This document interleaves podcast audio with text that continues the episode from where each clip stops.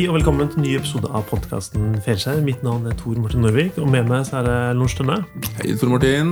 Hei, du, Lorentz. Hvordan går det? Jo, veldig fint. Gleder meg til i dag, da. Gleder meg til den her. Og du gjør det, ja? Ja, jeg er jo en av mine virkelig favorittpolitikere gjennom tidene, så dette her blir morsomt. Ja, for det, det her er, kommer til å bli en annen, eh, en annen episode. Det, er, det ene er at nå sitter vi ikke lenger hos produsenten Snorre Busch, som da styrer lydteknikken.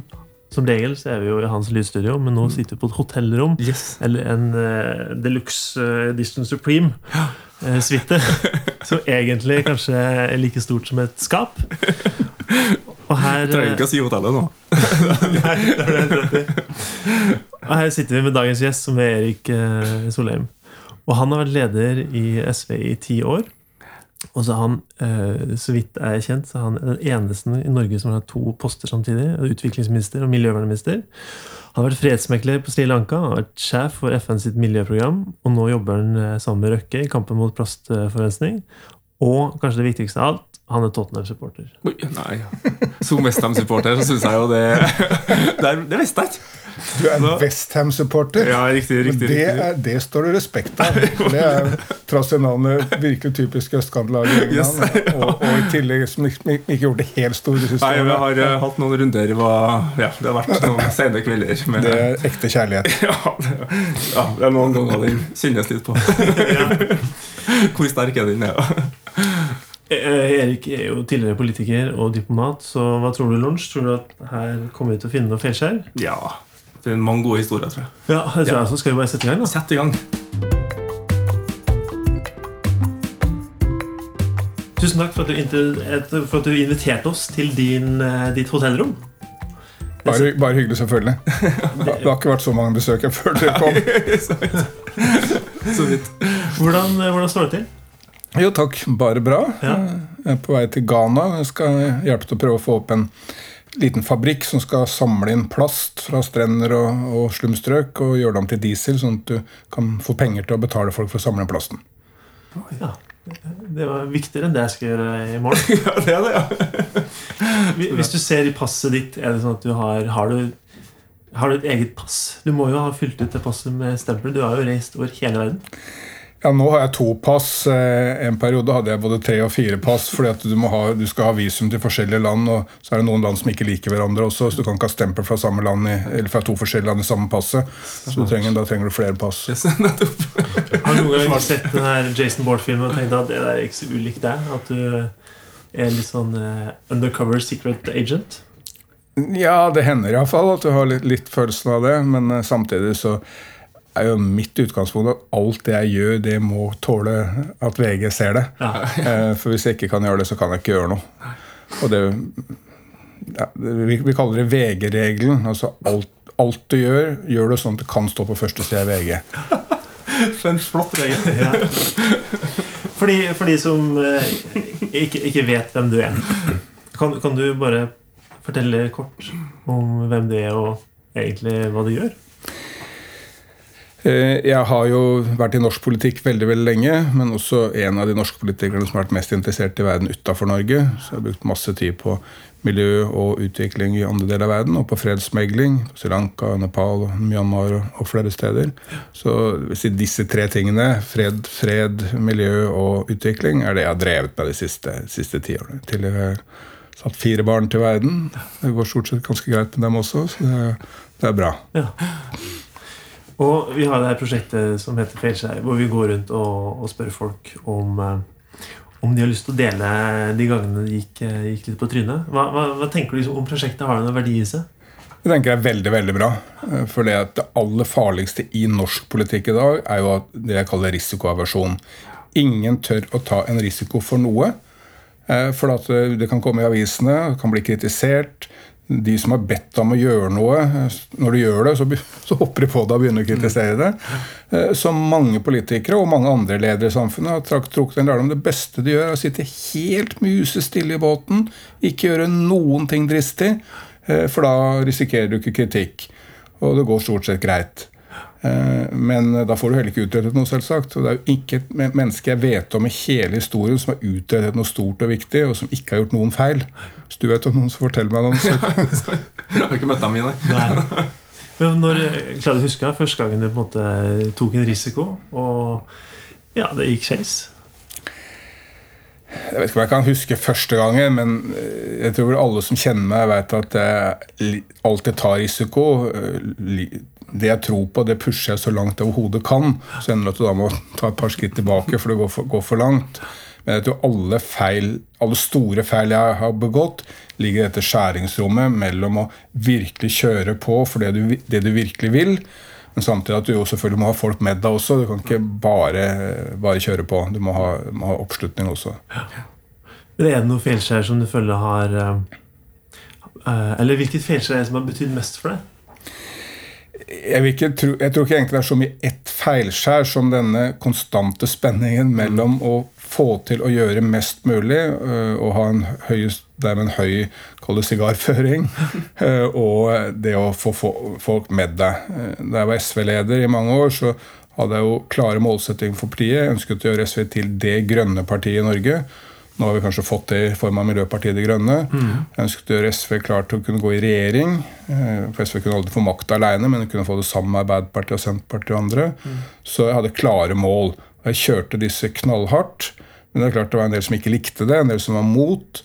Og da kan det hende at jeg gikk for fort fram. Jeg burde brukt mer tid på å forankre, mer tid på å snakke med folk, mer tid på å sitte på kontoret og holde møter og sånn, framfor å være ute og reise til Inderøya eller, eller til Mehamn. Ja, var, du, ja, var du rastløs i å liksom få skape endringer? Jeg tror De feilene mennesker gjør, de henger jo nesten alltid sammen med de indre egenskapene dine. Eh, og jeg er rastløs, jeg ønsker store resultater. Jeg ser mange ting i verden som jeg syns må forandres. Jeg vil gjerne forandre det. Jeg vil helst ikke at forandringen skal skje i morgen, men gjerne i dag og gjerne i formiddag hvis mulig. Ja, for jeg, må, jeg, måtte jo google det, og da ser jeg det her er jo ti år siden hvor du hadde, hvor du hadde skrevet. Eh, jeg tror det var eh, sitter i Dagbladet her i 1999, så du kan jo se om det gjelder fortsatt. da, Men du er for egenrådig og autoritær, og du liker deg best i strid. Eh, og at du ikke legger skjul på å være ramma av den mest utbredte yrkessykdommen blant toppolitikere, selvopptatthet. Er det eh, Kjenner du deg fortsatt igjen i det? Ja, Det er noe sant i alt dette. Eh, og jeg tror at folk som trives i strid, også har lett for å bli litt selvopptatte. og Det bør man passe på å prøve, prøve å unngå. ja. Men folk som ikke står i noen strider, får jo heller ikke utrettet noe. da. Så Det er det som er min unnskyldning. I hvert fall. Ja. Men det er jo kanskje derfor som du havner der du er? Fordi at du går på da, og ikke gir det? Ja, i, i, SV så Den saken som nesten drev partiet til splittelse Det er jo veldig lenge siden nå, men det var strid om, eh, om Natos eh, krigføring på Balkan, som jo avsluttet krigen i Jugoslavia og, og, og fjernet Milosevic, som var brutal diktator i det som nå er Serbia. Det var en usedvanlig vellykket krig. Ingen Nato-soldater ble drept. Det er den første krig jeg vet om i hele verdenshistorien hvor den ene siden har null tap. Og det var veldig få tap på eh, Jugoslavias side også. Og eh, resultatet var strålende. Eh, Serbia ble kastet ut av Kosovo, som ble en egen stat, og Milosevic ble fjernet. Så, sånn sett var det helt riktig å støtte den krigen. Men det hadde også den kostnaden at i hvert fall halve, hvis ikke to tredjedeler SV var mot. Eh, og det å kjøre så hardt på den støtten, selv om standpunktet var riktig, var kanskje en for høy pris å betale. Til sjuende og sist hadde jo ingen betydning for utfall på Balkan om et parti som SV Norge støttet, støttet krigen eller ikke. Mm. Eh, så kanskje var det dumt å bringe partiet, eller jeg tror i dag at det var, var galt å bringe partiet nær til splittelse eh, for noe som hadde så lite formål, selv om standpunktet som sådan var riktig. Ja. Og så fikk jeg også skjønt at du fikk avskjed i nåde i 2012? Ja, Det er bare en fin måte å si på at du, du må ut av regjeringen. Kong, kongen, kongen, snakker ikke om å sparke noen. ikke sant? Og det var så fint. Eh, jeg har aldri, nei, jeg har aldri lest at noen andre har fått det før. Så det kan du begynne med i byrået ditt også. Når noen må gå, så kaller du det avskjed i nåde. Du oppfører deg som konge. Hvordan eh, Tenkte du det at eh, der hadde du gått på trynet? Jeg, jeg, tenkte jo den gangen at dette var veldig urettferdig eh, og meningsløst. Men det har jeg jo lagt helt bak meg nå. Jeg går ikke, går ikke tenke et sekund på det lenger. Takk og lov. Ja. Men hva, Kan du huske liksom lærdommen? Hva du sitter igjen og tenker at det, der, eh, det, det ga deg noe som du på en måte lever ut i dag? Lærdommen fra det, som fra det jeg prøvde å skildre fra SV, og for så vidt også fra det jeg nettopp har vært gjennom i FN, er å bruke mer tid på å drikke øl og kaffe med folk og gå rundt og snakke med dem, framfor det jeg alltid har ment var det viktigste for en leder, så å si være ute i fronten. Hvis du sammenligner med en krig så er min mening at en general bør være nær der striden foregår. Mm. Og vite hva som skjer der, og dele eh, livet der ute med folk flest. I Norge reise rundt og snakke med folk eh, i Norge, og i FN være rundt ute der hvor miljøstridene står, enten det er kampen mot forørking i Sahara eller for rene byer i Asia. Men du må samtidig bruke kanskje mer tid i hovedkvarteret på å passe på at alle er fornøyde. Hvordan er engasjementet nå for klima, sånn som på 80-90-tallet kontra det nå? Man får jo følelsen at det er flere nå som bryr seg. Men er det bare fordi at nå er det lettere å få spredt engasjementet enn det var tidligere? Det er et veldig viktig skifte i verden som folk ikke har merket seg. og det er at For første gang i verdenshistorien er det mulig å ha rask økonomisk framgang og utvikle seg raskt og ta vare på miljøet samtidig. Tidligere var det ikke sånn at man fikk den industrielle revolusjonen i Storbritannia og spredde seg til Amerika, til Europa, senere til Japan og Kina og andre steder. Først ble man rik, og så begynte man å ta hensyn til miljøet. I Europa var det London smog, forurensningskatastrofen i London på 1950-tallet, som gjorde at folk begynte å våkne opp og begynte å ta hensyn til miljøet. Mm. Men det er ikke sånn lenger. For ikke, Du trenger ikke begynne med kullkraft i det hele tatt. Solenergi er noe like billig som kull alle steder i verden. Ikke bare er det like billig, det er selvfølgelig veldig mye bedre for miljøet, veldig mye bedre for helsa til folk. Og vi har teknikker for å lage en sirkulær økonomi hvor du bruker om igjen de tingene du putter inn i en mobiltelefon, istedenfor å bare kaste den. Du kan smelte om metallene og bruke det på nytt igjen. Du kan få veldig mange arbeidsplasser gjennom turisme som er basert på så du tar vare på miljø og planter og dyr. Så det er ikke lenger noe valg å ha mellom økonomisk framgang og arbeidsplasser på den ene siden og miljø. Tvert imot så er det miljøkampen som nå skaper mm. arbeidsplasser. I USA er det fem ganger flere jobber i solindustrien enn i kull. Likevel løper Trump rundt og snakker sånn. Det er køl mm. som gir oss jobber. Mm. Si fem ganger mer i solenergi. Fem, fem, ganger mer i solenergi. Og du ser, sånn, selv om Trump snakker pent om kullindustrien, så går den jo ned hver eneste dag. Fordi markedet vil ikke ha den. Hvis du har en million dollar og har valget å sette den i noen gamle kullminer i West Virginia eller sette den i rask voksende solindustrien i California, så gir svaret seg selv. Ikke sant? Alle investorene går til solindustrien. Hva er grunnen til at Trump snakker sånn, da? Jeg, jeg tror det er en blanding av at han er fullstendig uh, uten uh, evne til å ta inn ny kunnskap. Han er ikke interessert i det nye som skjer i verden. Mm. Og at han tror at dette selger med hans kjernevelgere. Han, han, har jo ikke velgere i California omtrent. I San Francisco fikk Trump 9% velgerne. Så det går rundt i Silicon Valley. Eh, så du må, om du sender inn FBI, CIA De klarer ikke å finne en Trump-supporter. Til gjengjeld har han jo veldig stor oppslutning på landsbygda i Kentucky eller West Virginia. Ja, for da tror jeg liksom det samme som du spurte om i stad, hvorfor miljøet og kampen er så Det er pga. vi har fått så mye kunnskap. Altså, det er å misjonere om, men andre er at vi kan få så mye kunnskap om det at vi begynner å ta gode valg i stedet. Så enkelt som det. Du er fortsatt veldig betent, da. Sånn, hva gjør du når du møter ordentlige klimaskeptikere som sier at vet du hva, det er bare tull. Det fins ikke noe issmelting, av havet det stiger ikke. Du, du, må jo møte en del av dem, gjør du ikke det?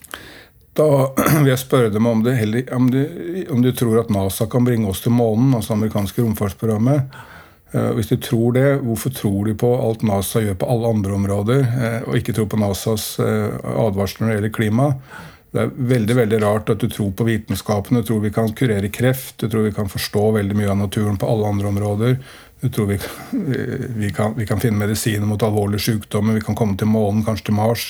Og så velger vi å si nei, men klima det velger jeg ikke tro på fra de samme folkene. Ja, Man velger jo på en måte de sannhetene man liker best. Og det, det er kanskje det er skummelt med den tilgangen på informasjon også. Du har her Planet Flat Earth-gjengen, som du har kanskje følelsen av nå hele Amerika De tror at jorda er flat. Men det er jo fortsatt en veldig liten del. Men det er bare at når det er så rart, og, og spesielt, så blir det jo spredd så mye at man tror kanskje at det er større enn det er. Ja, og Det er en veldig farlig ting, fordi de programmene som de store aktørene, Google og Facebook og andre, bruker, premierer jo det som er ekstremt. Fordi at det gir flere klikk og dermed flere annonser. Så hvis du legger ut en, en melding på Facebook i morgen hvor du sier at du er nesten sikker på at jorda er rund, mm. så kommer det veldig langt ned på lista. For det er det tross alt, takk og lov, 90-95% av folket tror.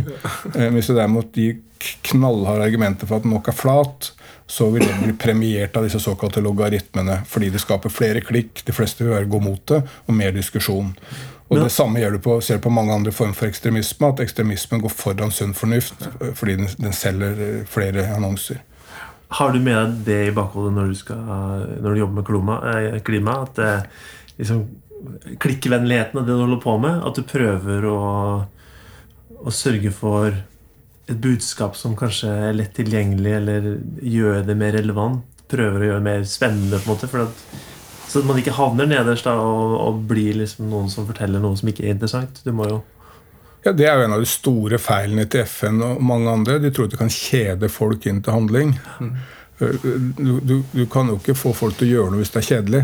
Det må være spennende, interessant, morsomt, hyggelig. Eh, og du må se positive muligheter. Og miljøbevegelsen tenderer av og til måtte være altfor negativ.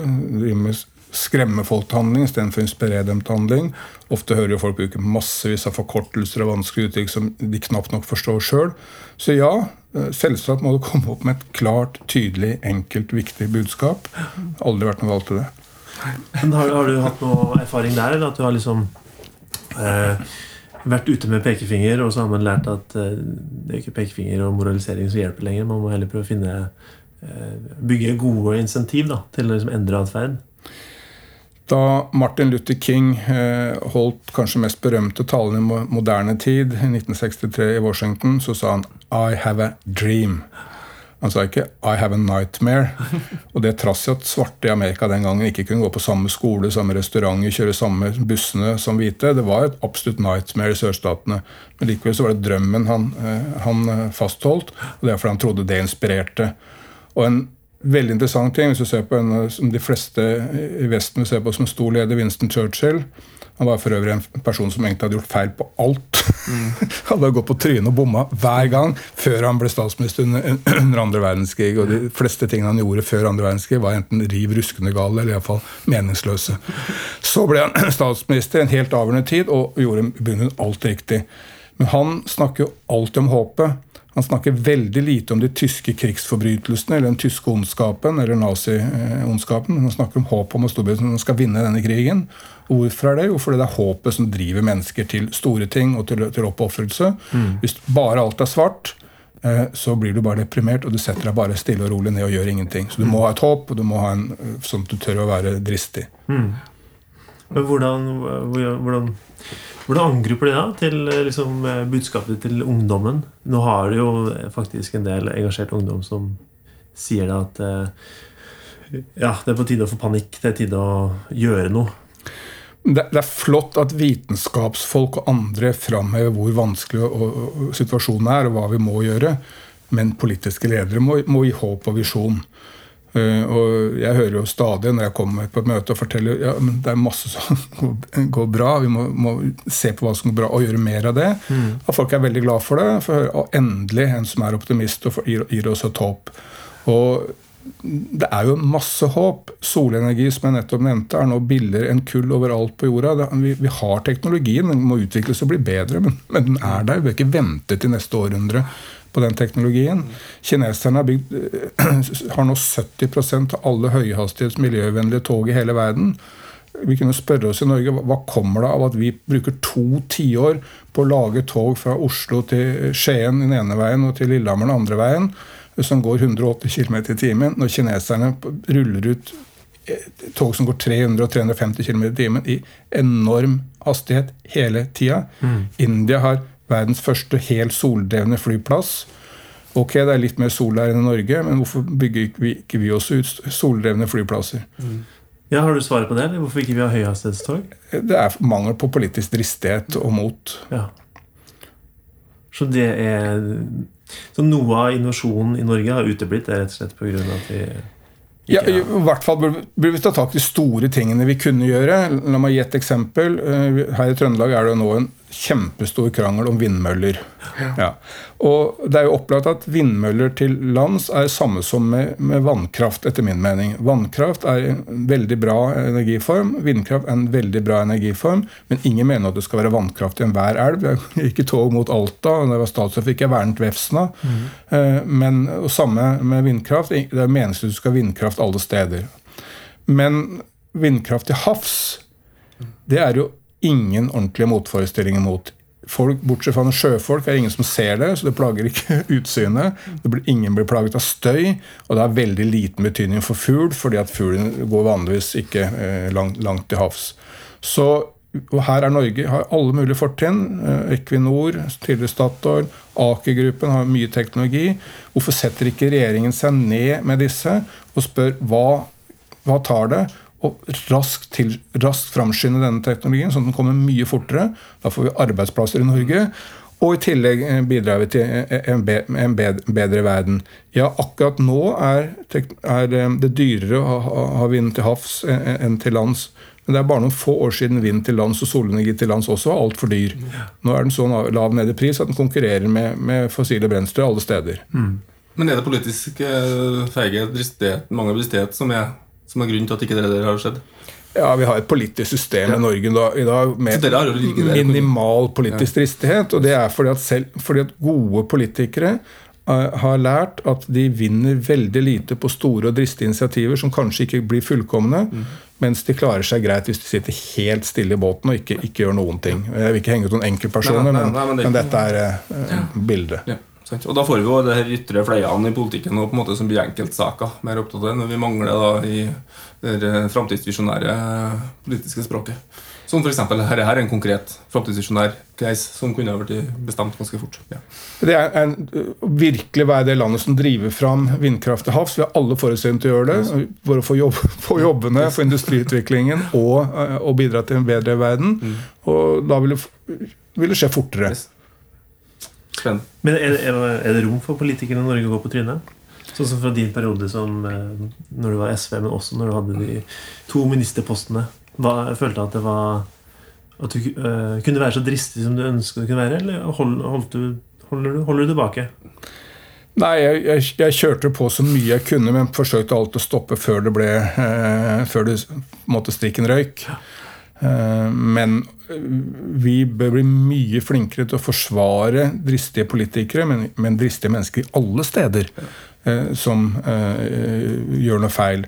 Etter min mening er noe av det aller viktigste en leder i en bedrift eller organisasjon gjør, er å si at ja, jeg gir deg full backing, jeg sender deg ut i krigen, men da skal jeg sannelig også forsvare ryggen din. Mm. Hvis du gjør en feil, så skal vi sette oss ned og diskutere og lære av den feilen og prøve å, unngå å gjøre noe om igjen, selvsagt. Vi er jo ikke dumme men du skal ha full støtte selv om du gjør noe feil.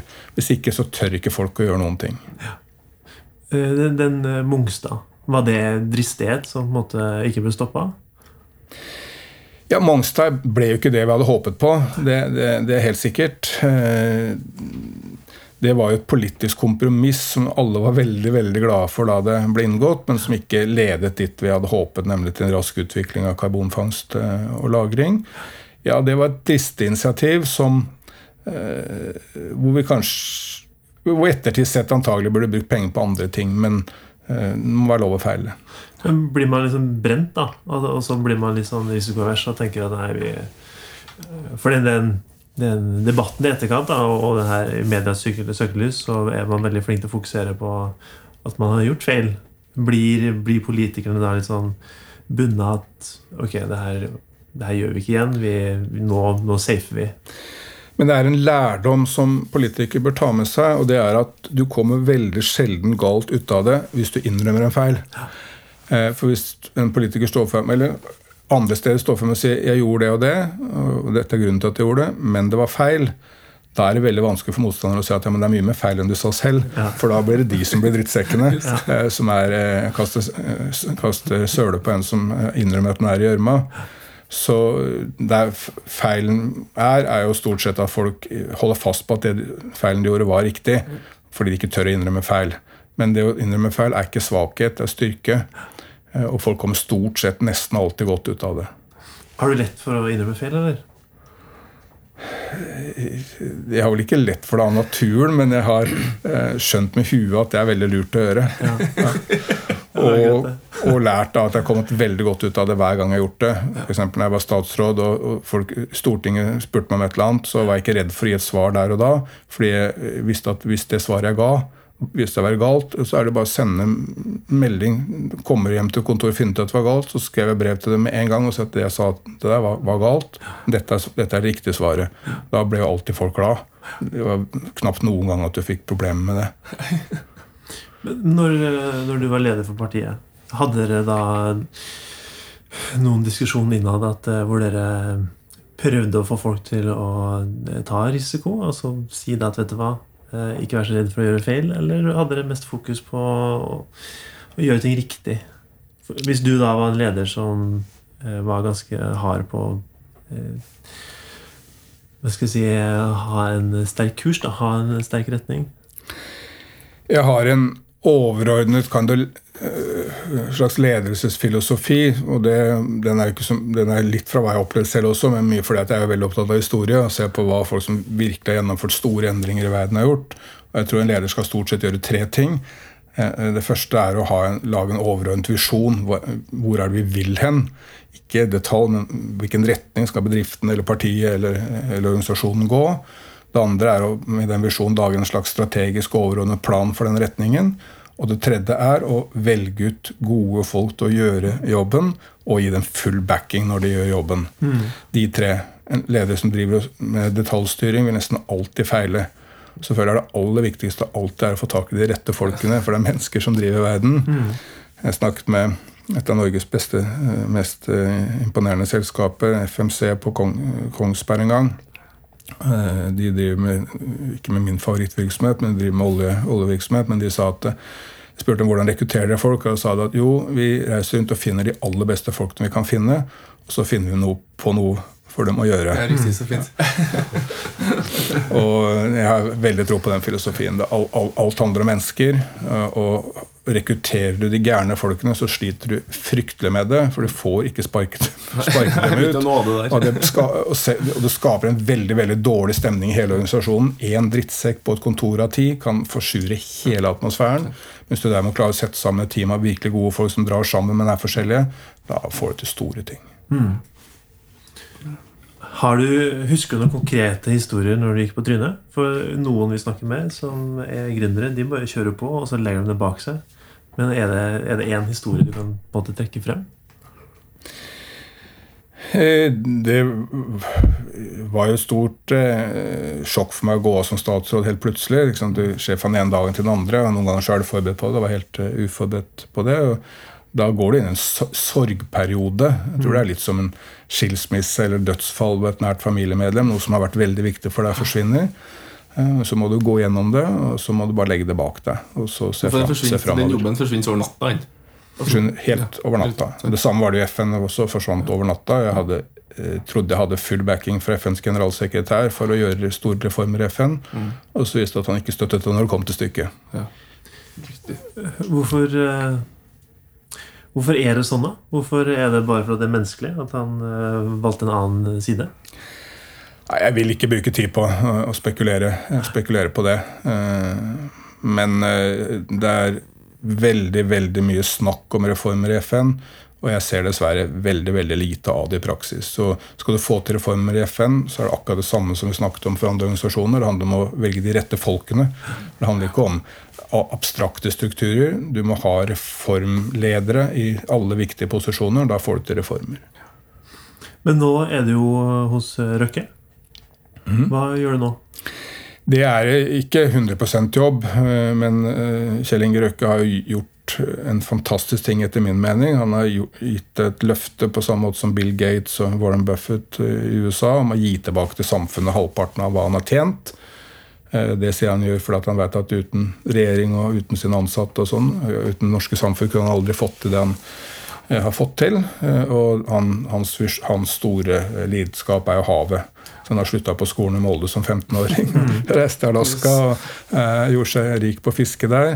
Og han er, han er på sjøen og bor på båt i alle sine ferier og er veldig sjø, øh, Han er en havets mann.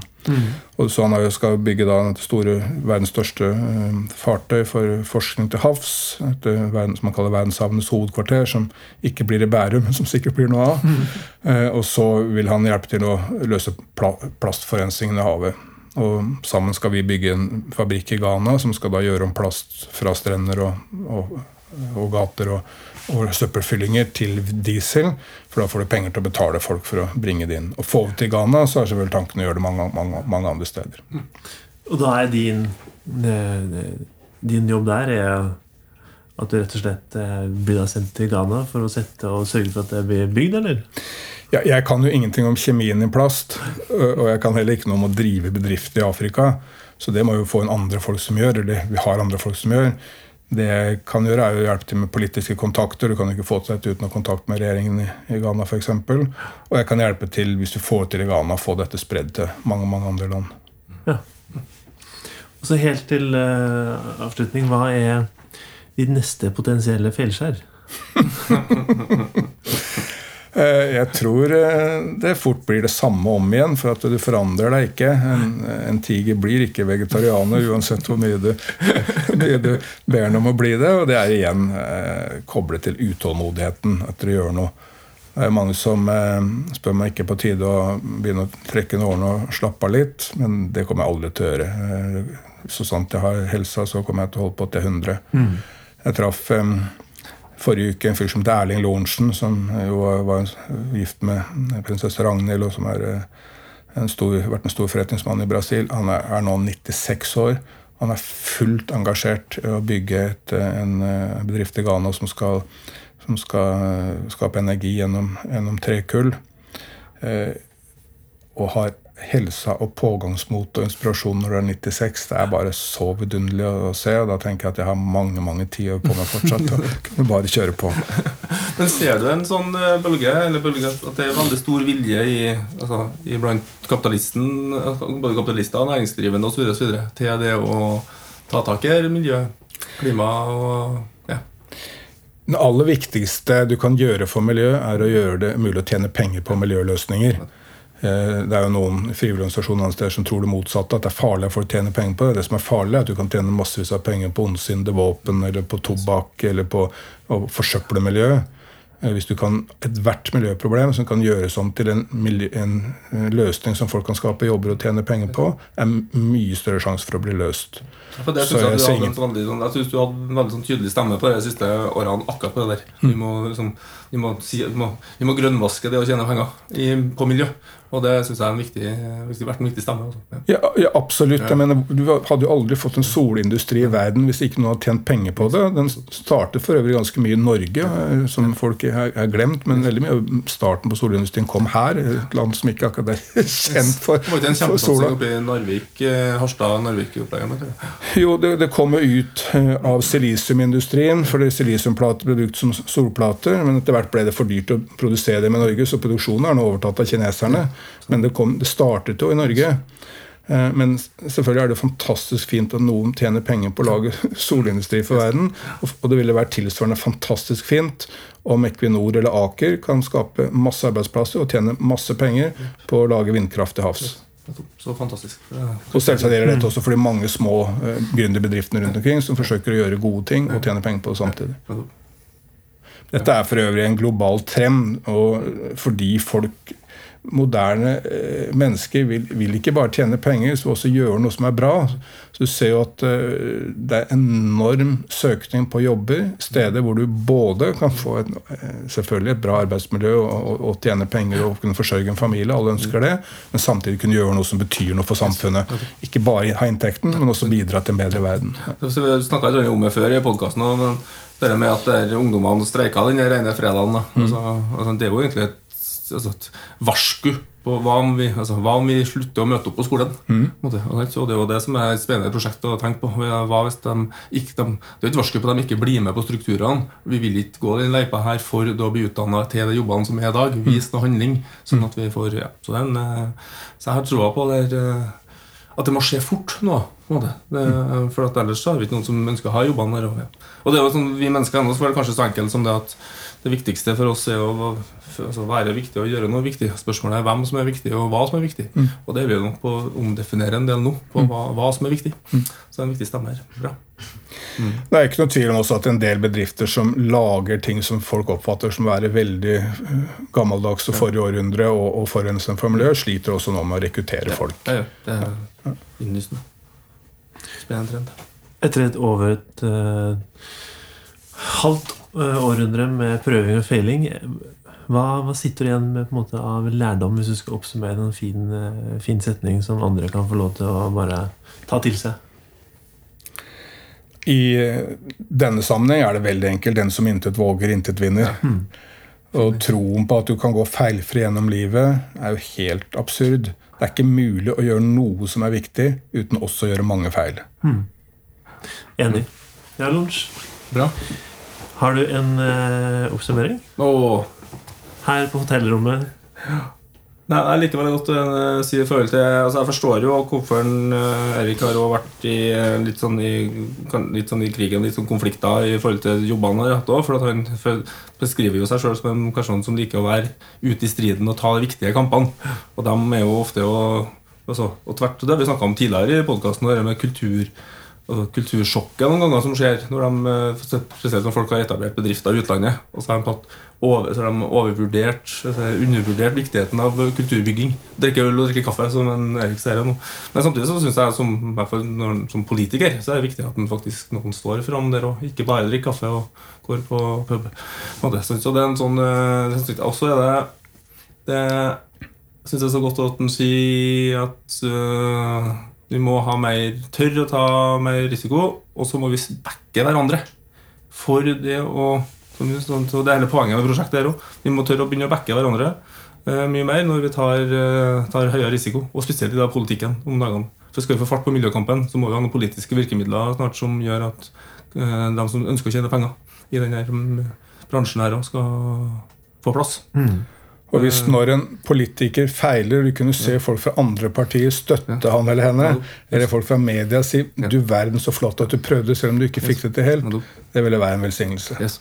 Og det er jo sant. Husk på at Sigrid Bonde Tusvik også sa jo der at eh, før ville ha mye mer eh, originaler og mer konflikt inn i de politiske partiene. Eh, men nå vil, jeg- kan dere ikke bare være litt rolig, og så bare være litt mer enige. Og så går vi eh, felles. eh, Så det er veldig fint, syns jeg. Godt å høre.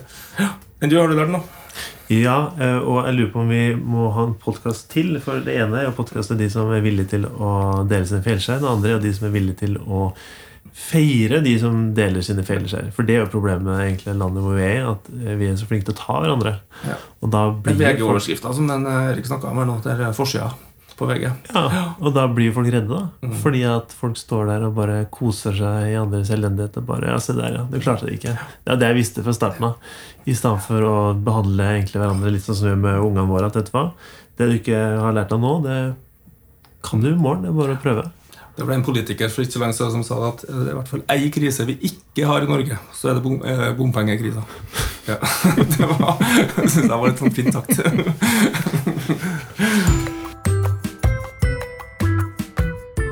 Da har vi kommet til avskjedsgaven, og det er jo noe hvor vi spør våre gjester hva er det som har gjort dem glad den siste uka. Så jeg kan starte med deg, Erik. Er det noe spesielt de siste syv dagene som har gjort liksom livet litt uh, lysere å leve?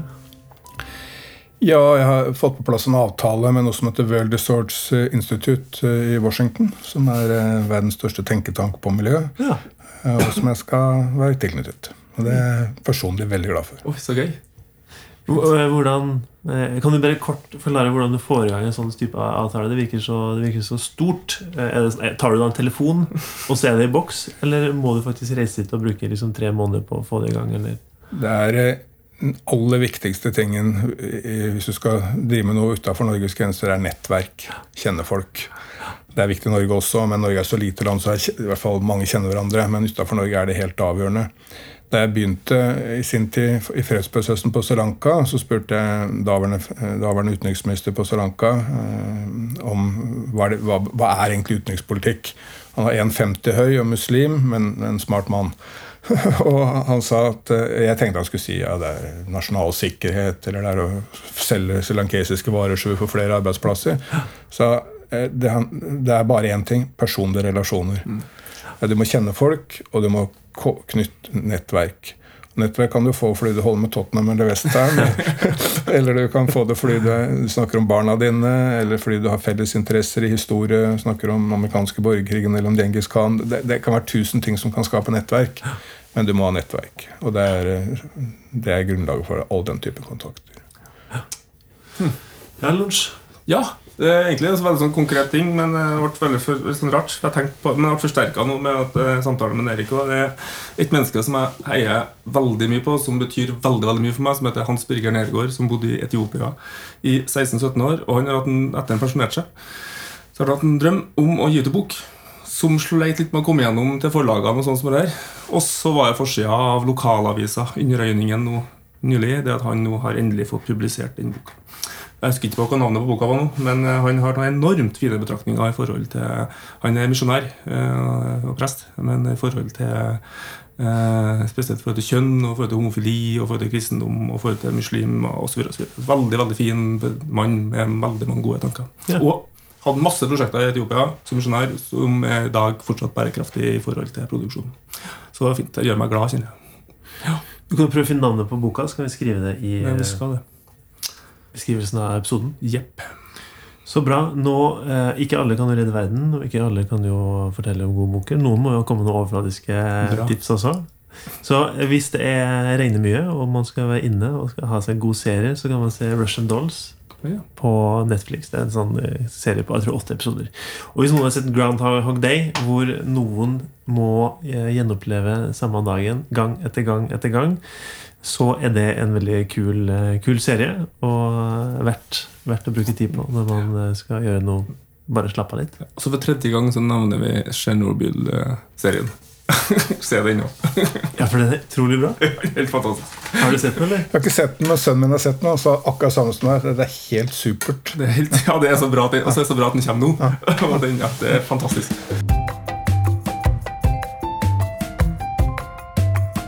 Tusen takk til de som har hørt oss så langt. Og stort takk til deg, Erik, for at du ville ta oss imot.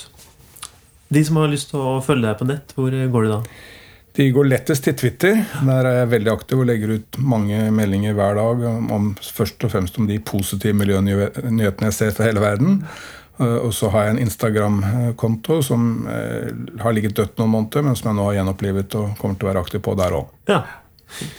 Neste uke så skal vi prate med Frank eh, Norvik. Han skulle egentlig på litt tidligere, men han har klart å knuse håndleddet sitt. Så vi håper at eh, det ikke er et feilskjær. At det bare et uhell. Han er reiselivsdirektør i Destinasjon Røros og gründer av Retro her i Trondheim. Han har vært toppidrettsutøver og han kremmer, og det har på en måte vært mye av grunnen til hans driv, og helt sikkert også grunnen til at han har gått på noen smeller. Hvis du som hører på har noen historier som har lyst til å dele med oss, så ta kontakt med oss på feilskjær.uredd.no, så skal vi få denne historien frem i lyset. Gi oss gjerne noen stjerner hvis du liker det du har hørt, og trykk subscribe for å få episoden ned i der du hører podkast. Og det her er da produsert av Uredd og Lydsporet og kommer ut på mandager. Så takk for i dag. Herlig. Ha det bra. Ha det. Takk for